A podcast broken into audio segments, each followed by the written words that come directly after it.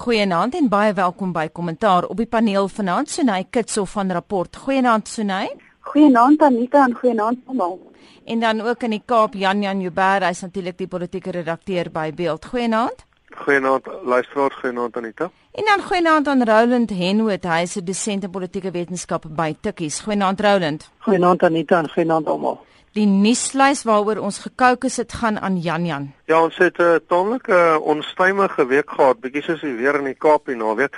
Um met president Jacob Zuma wat probeer het om die land se agteruitgang en die algemene kommer oor die ekonomie te keer en nie heeltemal gewerk nie. Glenis Breitenberg wat vrygespreek is, soos ons almal miskien verwag het, maar nog nie klaar is nie want nou word daar appel aangeteken deur die nasionale vervolgingsgesag. Zulenzima Wawi wat oorleef het in aanslag teen hom in Kusatu. Die einste Kusatu nog steeds ontevrede oor etol in Gauteng. Die wet op nasionale sleutelpunte wat hersien gaan word twee groot aankondigings oor grondhervorming en boere moet regtig luister wanneer ons dit bespreek. Dis praktiese goeders en dan um, in die buiteland veral Turkye waar die moeilikheid nou dik staan en dan Zimbabwe wat daar 'n hofuitspraak was rondom verkiesingsdatums wat groot impak kan hê op ons buurland. Kom ons begin by Glenis Breitenberg vrygespreek op 15 aanklagte van wangedrag. Nou dit lyk nie asof die nasionale vervolgingsgesag die saak daar gaan laat nie, Roland. Ja, die die uitspraak het baie aandag gekry en tot 'n groot mate die uitspraak wat verwag is dat sy onskuldig bevind is wat miskien 'n bietjie 'n nuwe dimensie was is dat sy op al 15 aanklagte onskuldig bevind is. En anderswoorde daar's nou regtig niks wat teen haar gegooi is wat enigsins bly staan het in die ondersoek wat gedoen is nie. Die vraag natuurlik oor die besluit om die uitspraak op appel te neem en na die regbank te verwys dui op 'n groot mate van probleme in die bestuur van die nasionale vervolgingsgesag. En as jy mens gaan kyk na die kommentare wat gelewer is dan lyk dit of die een argument wat deur alle kommentaar loop is dat dit eenvoudig polities gemotiveerd is en dat dit gaan oor die verpersoonliking van instellings binne die regering ten behoewe van president Zuma. En dit is 'n baie ernstige aanklag, dis 'n baie ernstige probleem wat besig is om te ontwikkel. En dan ook baie belangrik natuurlik, eh, Nomqobo Jiba se naam word genoem soos wat Business Day Woensdag geskryf het hardly a disinterested party. En hy is nie die enigste een nie. Hulle verwys ook natuurlik na Lawrence Mrwebi Ja die belangrike hier is dat dit is persone wat in waarnemende poste aangestel is en die argument weer eens dat dit gaan dis ten behoewe van president Zuma. So dit gaan daaroor dat hierdie instelling in breë trekke word ook na ander aspekte verwys maar hoofsaaklik bestuur word op 'n wyse om president Zuma en die mense om hom te beskerm dis 'n geweldige um, ernstige aanklag. Ongelukkig op die stadium is daar geen aanduiding vanuit die nasionale vervolgingsgesag dat dit anders is nie. En dit is 'n probleem want dit ondermyn die integriteit, die vertroue, maar ook die konstitusionele status van die nasionale vervolgingsgesag as veronderstel om 'n neutrale professionele instelling te wees. Dit het baie belangrike politieke implikasies nie vir die persone nie, maar vir die instelling want dit ondermyn die integriteit, dit ondermyn die statuur van wat veronderstel is om die belangrike grondslag te vorm van die regsproses van hoe reg in terme van aanklagte en vervolging bedryf gaan word.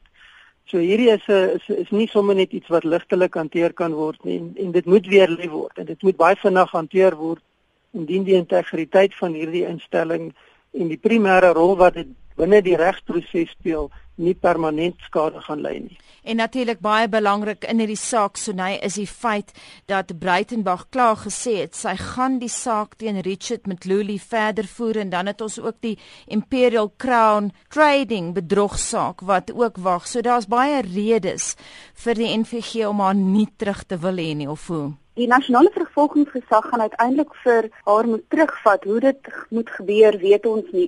Wat ek nie verstaan nie is waarom daar nog nie onderhandel word vir miskien 'n verskeidingspakket nie, want uiteindelik het die verhouding tussen die nasionale vervolgingsgesag en haar verbrokkel. Dit is nou my mening.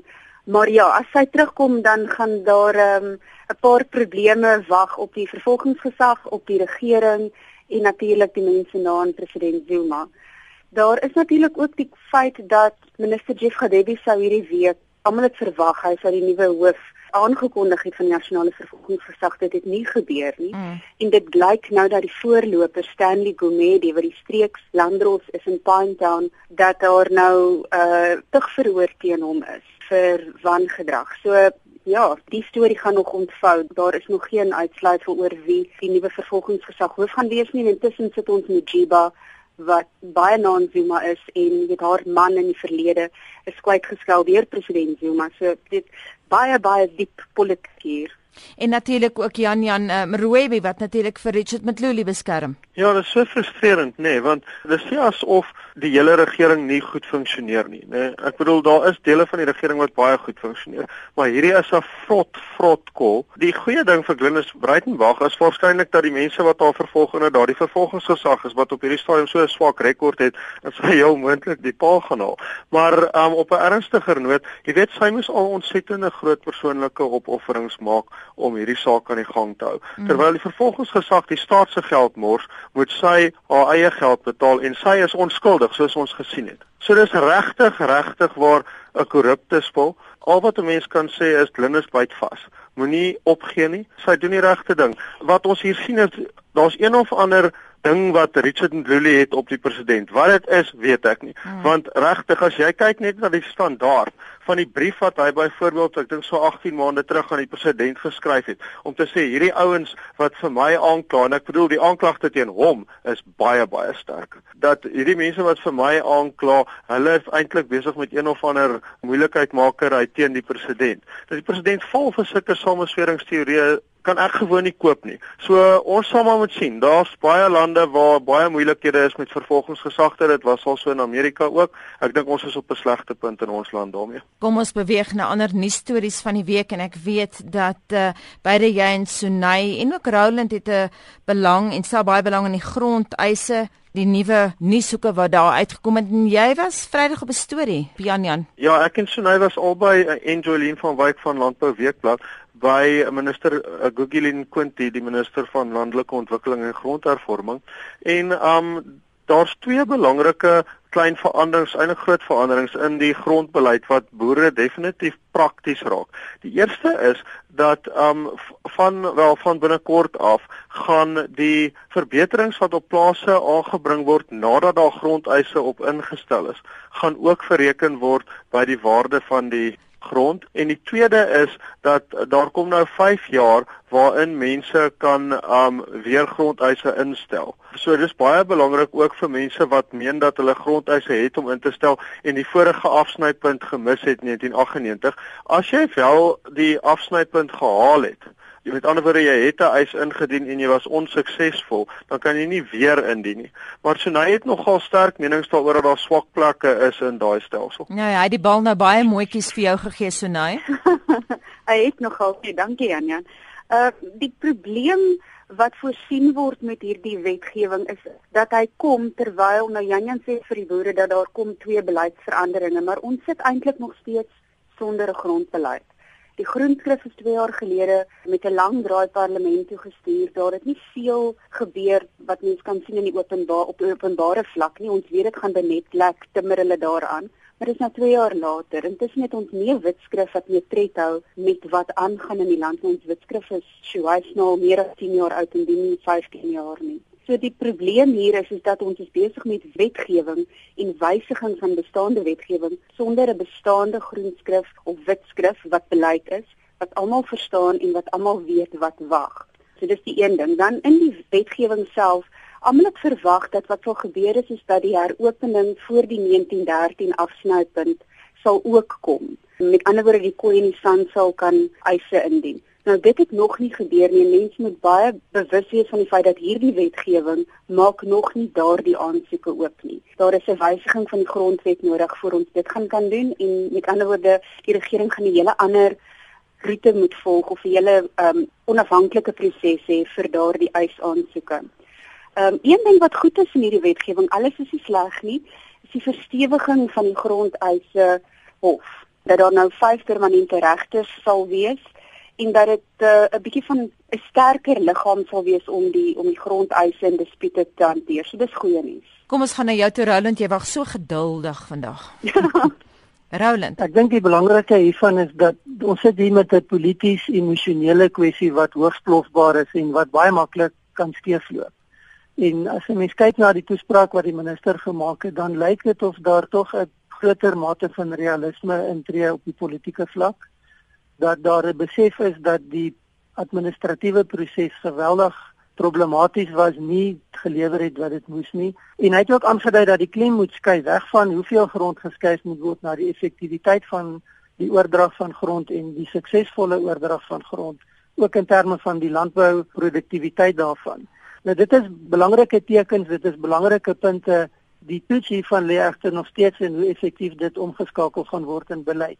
En ek dink dit is waar die probleme in die verlede gelê het. Maar ek dink mense moet na hierdie debat gaan kyk met 'n koel kop want dit is baie maklik om op 'n klomp negatiewe goed te fokus. Ek wil vinnig vir jou vra Roland, jy praat nou van die omskakeling in beleid. Wil jy voorspelling waag? Indien dit gepak word met die doel om dit te laat werk en die emosies so 'n bietjie uit te stuur en werklik hierdie ding suksesvol te maak, kan dit gebeur. Ons het gesien op ander plekke, ek gaan noem binnelandse sake waar 'n omdraaistrategie gevolg is wat geweldig suksesvol was. So dit kan gedoen word.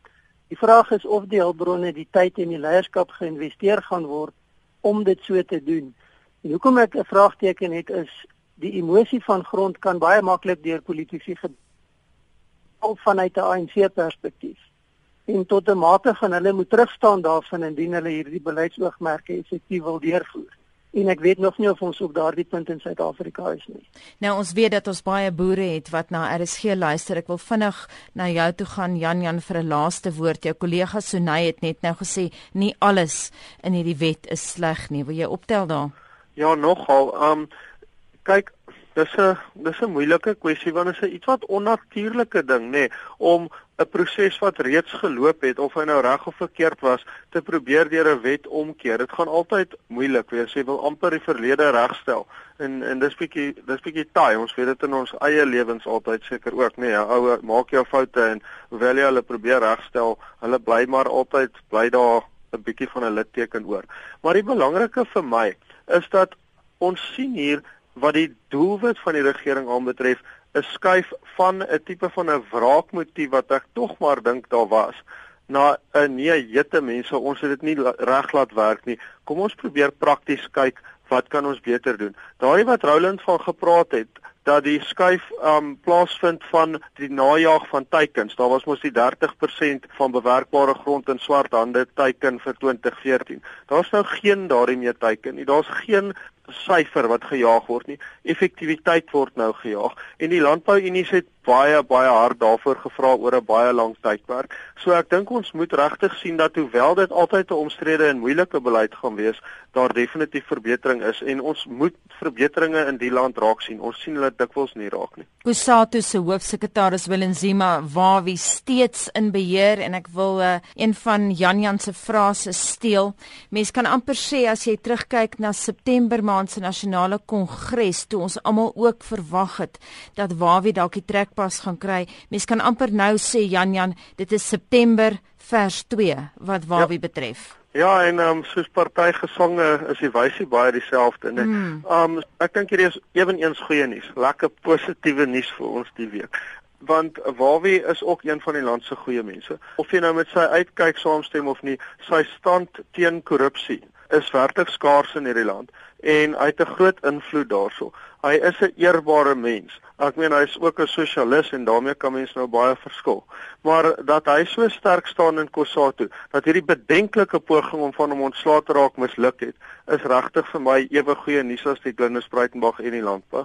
Ek dink die kort en lank daarvan is Roland dat noem Nahau Sepau en Popcrew openlik vyandig teen Wawi is teenoor Nomsa Samu en Fau wat Wawi baie sterk steun en die ondersoek teen hom wil staak. Nou baie belangrik business day het Vrydag geskryf it is a stalemate because Kusata really does seem to be evenly divided between affiliates that support Zuma and those that support Wawi baie belangrike punt. Ek dink daar's ook 'n ander realiteit en dit is dat die verlamming van Kusatu gaan die ANC se verlamming verder versterk en daar's bewustheid daarvan op die hoogste vlakke. So daar is nie op die kort termyn 'n manier om hierdie konflik te besleg sonder om geweldig skade aan te rig nie. En dit lyk my die benadering wat nou gevolg word is te midde van al die uitdagings buite die drie party alliansie. Kom ons konsolideer, kom ons kyk of ons hierdie ding kan maak werk op 'n manier sonder om verdere verdeeldheid en dalk ook disintegrasie in die hand te werk. Die uitdaging natuurlik is om verby daai interne konflikte te kom. So nee. Ja, skiet, ek wil net hier in ek wil aansluit by wat uh, Roland gesê het. Ons moet net nie uit die oog verloor volgende jaar 'n verkiesingsjaar is nie. Mm. En ehm um, wat Jan en Roland albei gesê het is baie belangrik in die sin dat waar wie is so om na so te stel hy's 'n nice mens. Mense hou van hom. So daar's hy's geweldig gewild onder die gewone kusasielede, maar vir die ANC is dit natuurlik mense wat volgende jaar vir hulle moet kom stem. So hulle wil nie regtig hê wat ook al nou die onmin wat nou hier sal is dit 'n 50-50 verdeling. Dit kan nie nou ontplof nie. Dit moet hou tot volgende jaar sodat daardie kiese hulle self agter Zuma of ten minste agter die ANC sal verenig. En uh dis net iets wat mense maar van nou tot volgende jaar gaan onthou. Enigiets wat gebeur het so 'n bietjie van die verkiesingssiekte wolkie om hom. Maar ja, ek stem met Janjan en Roland albei saam op hierdie punt dat dit sal nie regtig nou kan uitspeel uh nie dat ons bly is dat waar we bly. Kom ons kyk na 'n ander hoek van die saak. Charles Molele het in uh, Mail and Guardian geskryf Vrydag. Hy het verwys na iemand binne Kusatu wat met hom gesels het wat baie ongelukkig is oor die feit dat Wawie steeds in die stoel is. Maar die persoon het ook aanteigings gemaak dat Wawie die forensiese ondersoek probeer saboteer. Kommentaar van jou kant af Roland en dan gaan ons na Sunay toe. Die geweldige ontevredenheid en verdeeldheid wat daar is die proses moet sy loop neem, maar dit lyk vir my die proses self kan nie aan die gang kom nie. En ek dink die hoofrede daarvoor is dat van beide kante af word geskerm om iets gedoen te kry wat waarskynlik tot groot skade en konflik gaan aanleiding gee. En hierdie beskuldigings, teenbeskuldigings gaan aanhou tot die probleem opgelos word. Die omstandighede om daai probleem op te los bestaan egter nie nou nie. So ek dink gaan en dis die risiko wat nou geloop word binne Kossati. Dit is om af te staat te skep om 'n ander proses ja. Dit lyk my ons het probleme daar met uh, Roland se selfoon. Kom ons kyk gou-gou. Ja, maak my klankingenieur sê vir my ons gaan hom weer bel. So nee, kom ons gaan vinnig na jou toe in terme van Kusate. Kommentaar van jou kant af. In hierdie selfde berig van Charles Molele sê Willem Dimawawi dat hy gaan nie uit, jy weet hy gaan nie terugstaan vir mense wat dokumente of bewyse en so meer lek nie. Jy weet totdat hierdie ondersoek nie tot 'n punt gekom het nie, gaan hy nêrens nie. Wat vir my weet is 'n goeie teken.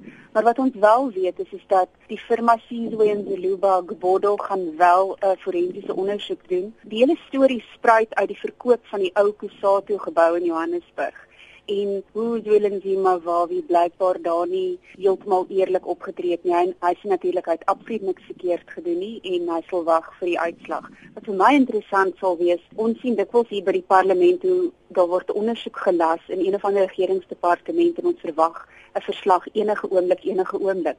Net vir die verslag om nooit te kom nie of wanneer dit kom dan word dit nie bekend gestel nie. So ek het so vermoed dat hierdie ondersoek by Kusatu dat dit mag wel gedoen word maar die verslag sal miskien na die verkiesing volgende jaar kop uitsteek wie weet. Lyk my ons het nou verhoudend weer terug. Roland kan jy my hoor? Anita ek hoor jou duidelik. Jy wou 'n punt daar gemaak het oor Kusatu. Ons kon jou nie goed hoor nie ek dink die die belangrike uitdaging vir Kusato is om sy integriteit en sy stabiliteit te verskans te midde van hierdie geweldige verdeeldheid wat binne Kusato bestaan. En dit is natuurlik baie moeilik om die status quo te handhaaf indien jy groepering het wat so radikaal van mekaar verskil en in terme van wat besig om te gebeur aktief daaraan meewerk om die ander party in 'n swak lig te stel te ondermyn en te ontbloot dit gaan 'n baie moeilike taak wees. Dit gaan geweldige sterk leierskap vereis om tussen nou en volgende jaar se verkiesing hierdie probleem te bestuur ek is nie baie hoopvol dat hulle dit heeltemal suksesvol gaan regkry nie. Ook op ons nuuslys vanaand Suid-Afrika se negatiewe ekonomiese groei. Ons praat nie dikwels oor die ekonomie nie, maar dit is so verweef met die politiek. Ons kan dit nie ignoreer nie. Volgens uh, Statistieke SA het die BBP in die eerste kwartaal van vanjaar met net 0,9% gegroei en ons het ook gesien dat die rand aanhoudend besig is om te daal. President Zuma het probeer om vure dood te slaan, maar dit lyk vir my Jan Jan asof sy nuuskonferensie die teenoorgestelde gedoen het. Wel, ek weet nie van die teenoorgestelde nie. Dit het nie in die doel geslaag nie. Die proses is nie omgekeer nie.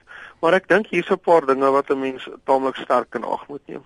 Die eerste is miskien dat dit nie die slimste ding was om president Zuma in die eerste plek in die konferensie te laat doen nie. as daar in Amerika een of ander probleem is rondom die dollar of die groeikoers of wat ook al, dan sit nie president Barack Obama wat gaan kolf nie. Dit is Ben Bernanke, die hoof van die Federal Reserve.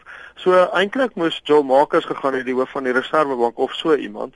Ek dink um persoonlik dat president Zuma se raadgewers 'n bietjie sukkel want Hy kan maar soveel goed nie um in Suid-Afrika kommentaar lewer nie omdat hy so sterk daarin geïmpliseer word. Soos in Kandra, hy kan nouliks iets sê, weet. Mm. So hulle het nou seker maar gedink wel is daar een ding wat jy hom nou nie vir kan blameer nie, is die ekonomiese probleme. En nou ja, nou kan ons want toe maak hy regtig waar daar so besonder swak toespraak.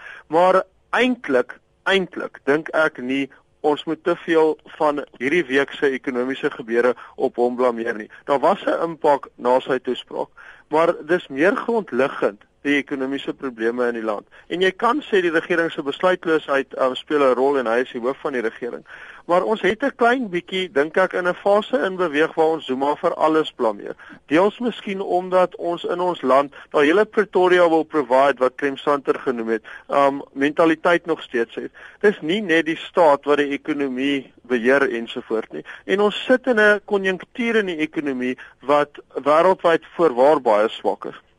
Boonop gebeur dit jammer Anita maar amper nooit dat een toespraak 'n hele ekonomie kan draai. Dit het met die Rubicon gebeur. Hmm. Maar ek dink nie dit is werklik moontlik om Suid-Afrika se groeikoers ensovoorts so vinnig om te draai sonder dat daar iets werklik buitengewoon gebeur soos wat die um, historikus de Kiewit sou sê. Jy weet dat hulle byvoorbeeld nog minerale ontdek of so iets nie. Dit gaan moeilik wees en dit help nie om net vir Zuma te blameer nie. Stem jy saam Roland? Ja, ek wil saamstem. Ehm um, ek dink wat hier gebeur is baie groter as Suid-Afrika. Ons kyk na wat gebeur in die konteks van die wêreldekonomie en dan miskien net om by Janjan aan te sluit. Ons het al in die verlede gesien dat wanneer die toespraak wat gemaak word deur Ben Bernanke nie is wat die markte verwag het nie, dan word dit dan word hy en eintlik die ekonomie geweldig swaar gestraf. En dit is wat in Suid-Afrika gebeur het. Wat ek miskien wel kan sê is dat hierdie toespraak van Zuma sou sekerlik meer effektief gewees het indien dit in Augustus verlede jaar plaasgevind het. Hmm. En dan opgevolg is met konkrete beleidsaksies. En ek dink dit is hoekom daar so 'n negatiewe reaksie was. Dit was te laat geweest en dit het niks konkreet bevat nie. Maar ek dink die argument dat dit Zuma se skuld is, vat dit heeltemal te ver daar is geen gronde om dit te sê nie. Kom ons fokus op die kriewelende wurm in die vrot appel. Lungisa Fuzile, hy is DG by die Tesorie, het hierdie week gesê wel, dis alles te wyte aan die onbestendigheid in die mynbedryf. Dis nie hy's baie groot nuus nie, maar die punt is dat Gordon het beloof die regering sal nie toelaat dat die mynsektor agteruit gaan nie, soos wat die Sunday Times vandag skryf, maar dit is reeds aan die gebeur. Kom ons gaan na jou toe, Sunay.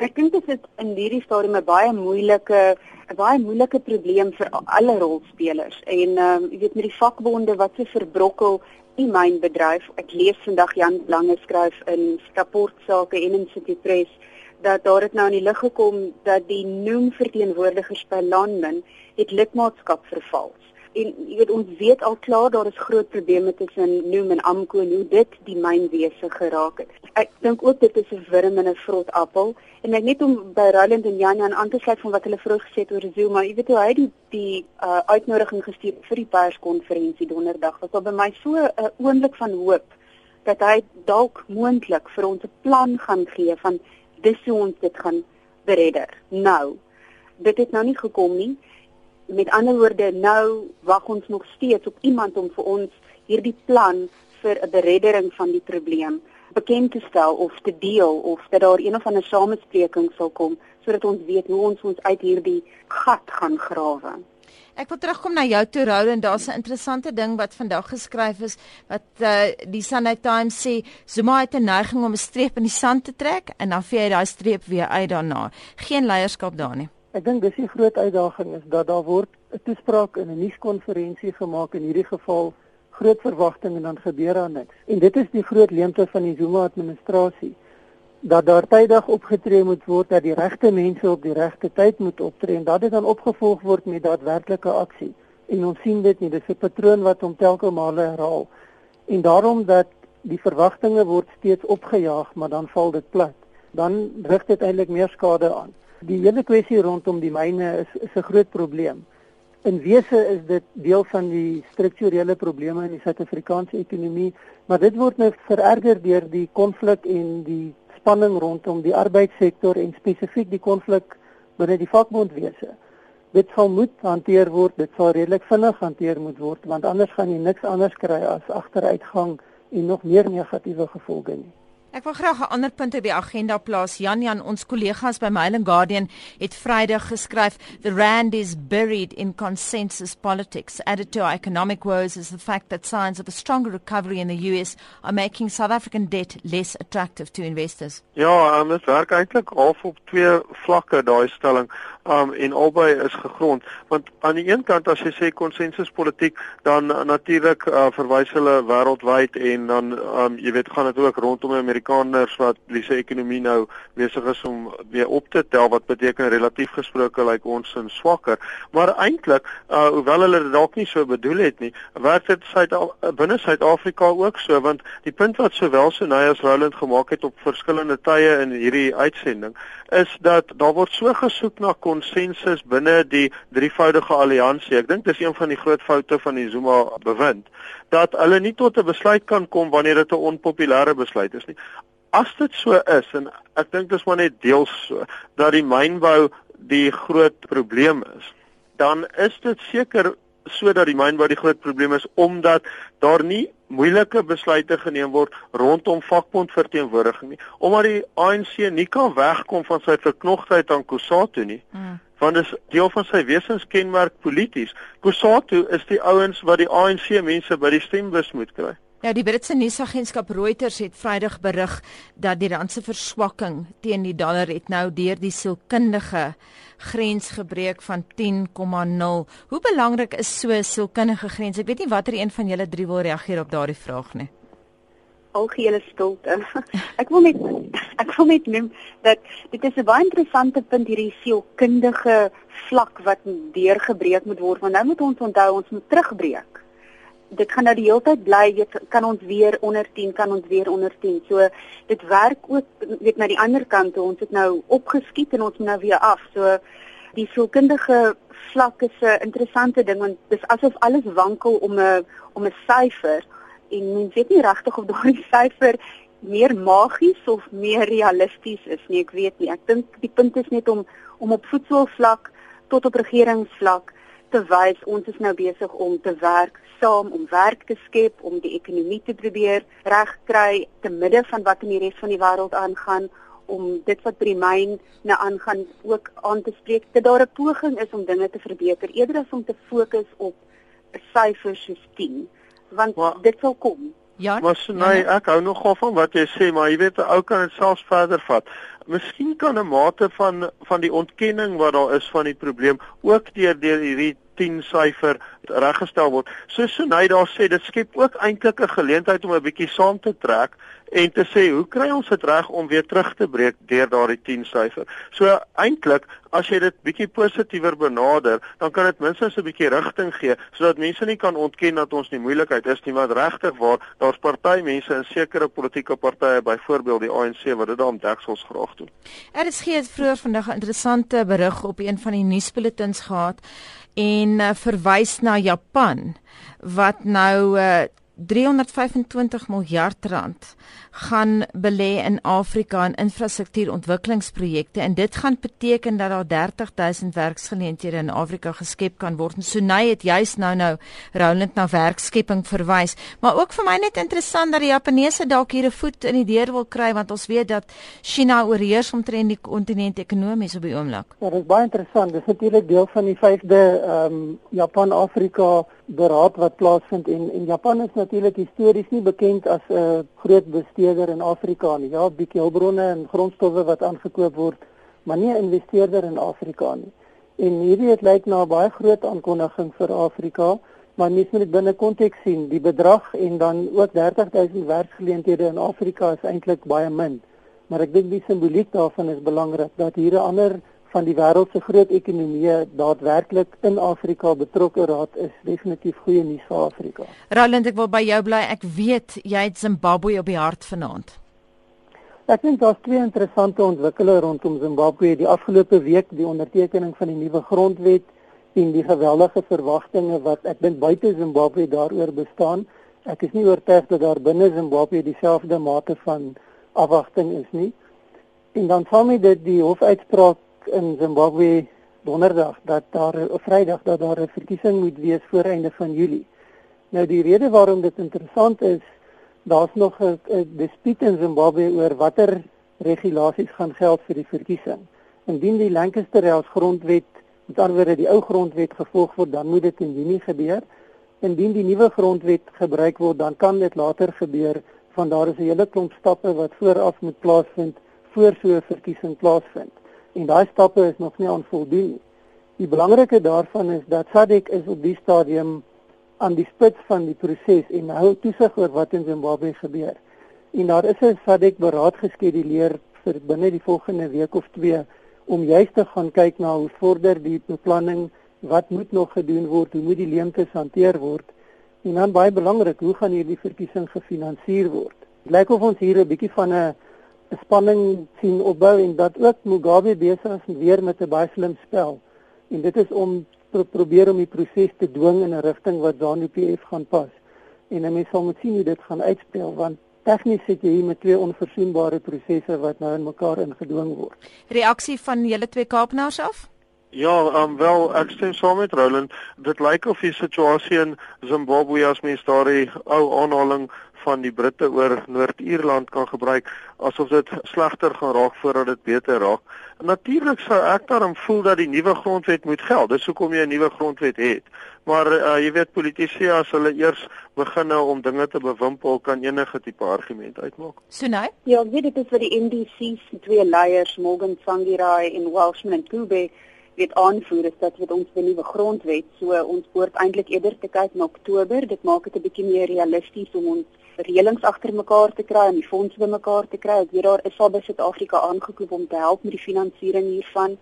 So mense sou hoop dat dit sou hierdie nuwe grondwet sou die rede wees vir die die besluit van die datum maar soos Roland gesê dit is nou voor 31 Julie wat selfs 'n maand te laat vir Mugabe se sin is. Mm. maar daar is dit nou baie sagte onderhoud vandag in die Sunday Times uh, met Mugabe en Grace, maar uh, kom ons laat dit daar. Vinnig na jou toe Roland, ek dink ons moet die laaste woord aan jou gee en sommer ook uh, internasionaal beweeg na Turkye. Ons sien dat Turkye se premier uh, Recep Tayyip Erdogan het baie groot probleme, verskeie skermutselings tussen die polisie en betogers teen die regering in onder meer Taksimplein waar Jan Jan en ek verlede jaar was. Ja, interessant. In Istanbul nou, né? Die interessante ontwikkeling van die beeld wat begin ontwikkel van Turkye is van die ontleikende reus in die Midde-Ooste, een wat lid van NAVO is en wat baie graag lid van die Europese Unie wil word en wat stabiel is. En nou kry mense hierdie geweldige omvangryke betogings, daar word gepraat van meer as 1000 mense wat gearresteer is, daar's mense wat dood is in die optoog betogings. En dit gaan oor ontevredenheid met herontwikkelinge wat besig is om plaas te vind. En dan is daar 'n argument dat die subteks van hierdie eintlike diepliggende politieke ontevredenheid is. Dit gaan oor weer eens die eerste minister wat te lank in die politiek is en 'n magsposisie is en dat daar pogings tot manipulering is om dit om te skakel in 'n meer permanente proses eintlik in die sin dat hy dan in die toekoms ook die presidentskap kan oorneem. En dit maak mense kraprig en ongelukkig as 'n mens gaan kyk wat in die Midde-Ooste gebeur het die afgelope tyd Egipte waar dieselfde tipe probleme onderliggend was aan wat gebeur het, dan maak dit 'n mens bekommerd oor wat in Turkye gebeur. En natuurlik kan 'n mens dit nie isoleer van die breë regionale konteks wat in Sirië gebeur, wat in Irak gebeur, wat in Iran gebeur. So dit is 'n moeilike situasie en een wat 'n mens tot kommer stem. Ja ja, ons moet om verskoning vra vir die baie swak gehalte van daardie telefoonlyn. Ek weet nie of dit 'n Telkom probleem is, eh, die landlyn na Roland toe nie, of natuurlik Roland, miskien luister die spooke jou ag jou gesprekke af, nê? Niks is onmoontlik nie. Baie dankie so sê Roland Henwood. Hy is 'n uh, eh, dosent in politieke wetenskap by Tikkies. Dankie Roland. Dankie Anita, totsiens. Baie dankie aan Jan Jan Joubert, politieke redakteur by Beeld. Baie dankie vir die geleentheid Anita. En ook in die Kaap baie dankie aan Sunay Kitsof van Rapport. Dankie vir jou insette Sunay. Baie dankie Anita en goeie aand almal of totiens.